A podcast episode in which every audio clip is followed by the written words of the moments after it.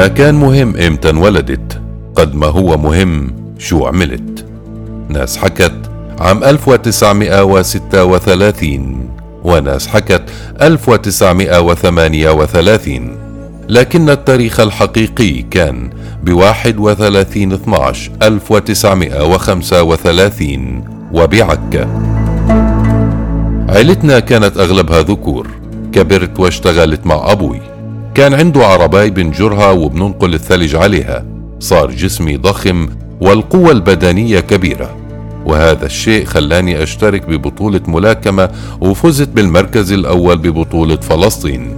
لما كبرت اشتغلت بالصيد وببدايات حركات الاستيطان كانوا اليهود يجوا على عكا يتزانخوا ويحاولوا استفزازنا ولكن كنا نضربهم ويهربوا لحد ما اجتاحوا كل فلسطين.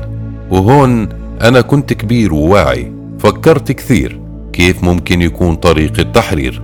وكان الجواب إنه أعيش معهم وأشوف فكرهم وعاداتهم وكيف بيخططوا وقررت إنه لازم أنخرط فيهم. وبالفعل تزوجت من يهودية ولجأت لأصدقاء مقربين مني وقررنا تشكيل مجموعة حتى نوجه ضربات للكيان. وبالفعل أسسنا مجموعة أسميناها عكا. واحد سبعة سبعة ثمانية مكونة من أحد عشر شخصا. منهم محمد غريفات مجند في الجيش الصهيوني.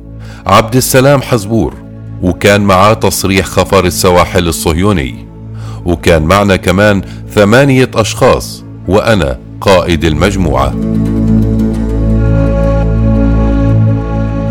اتفقنا ونسقنا مع قيادة فتح والعاصفة بنابلس. انه يزودونا بأسلحة ومتفجرات عن طريق البحر.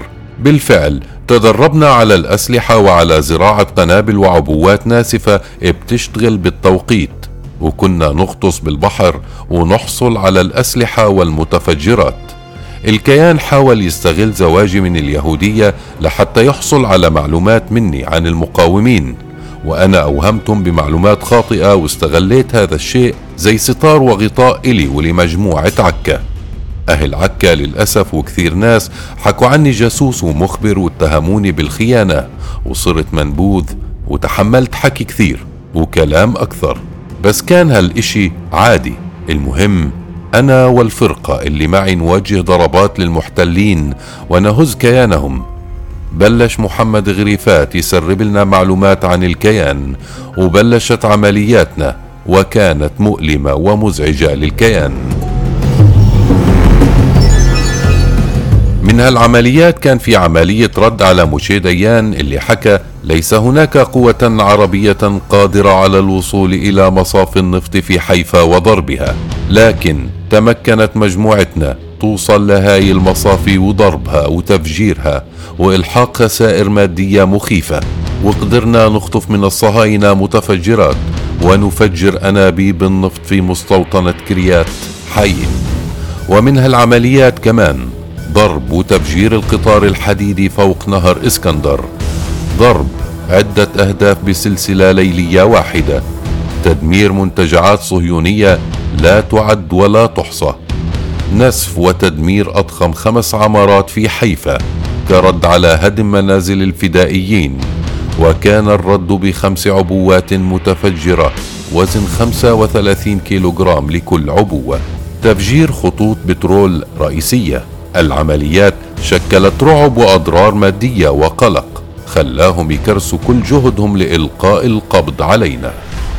استطاع الكيان الإمساك بنا عام 1969 ووجهوا لنا التهم وحكمنا عدة مؤبدات. كان الحكم الأعلى بالتاريخ وكوني قائد المجموعة كان الحكم 21 مؤبد بالإضافة ل 15 عاما. يعني تقريبا 710 سنوات. زوجتي اليهودية ما استحملت فكرة أنه زوجها إرهابي بنظر المجتمع الصهيوني. حملت الولد والبنت وسافرت على كندا بمونتريال وكبروا الولاد بمدارس يهودية. ولأنه ما كان في أمل أطلع من الأسر ركزت شغلي في المعتقل. نظمت صفوف الأسرة ودافعت عنهم وعن حقوقهم. وصغت دستور الحياة الاعتقالية. ضليت معتقل لغاية عام 1983 لما صار صفقة تبادل أسرى بجنود صهاينة وطلعت بمعجزة. استقريت بتونس وتزوجت الأسيرة فاطمة برناوي بعد سنتين من التحرير. وبعدها رجعت استقريت بغزة وسمعت إنه بنتي صارت يهودية وابني رجع وتزوج بنت عمه. ما قدرت أطلع من غزة ولا أفوت عكا. صابني مرض الرعاش وضمور عضلات وفقدان بالذاكرة وعدم توازن وتقرحات. في آخر اتصال مع أخوي حكيت له خيّ خذني إلى عكا.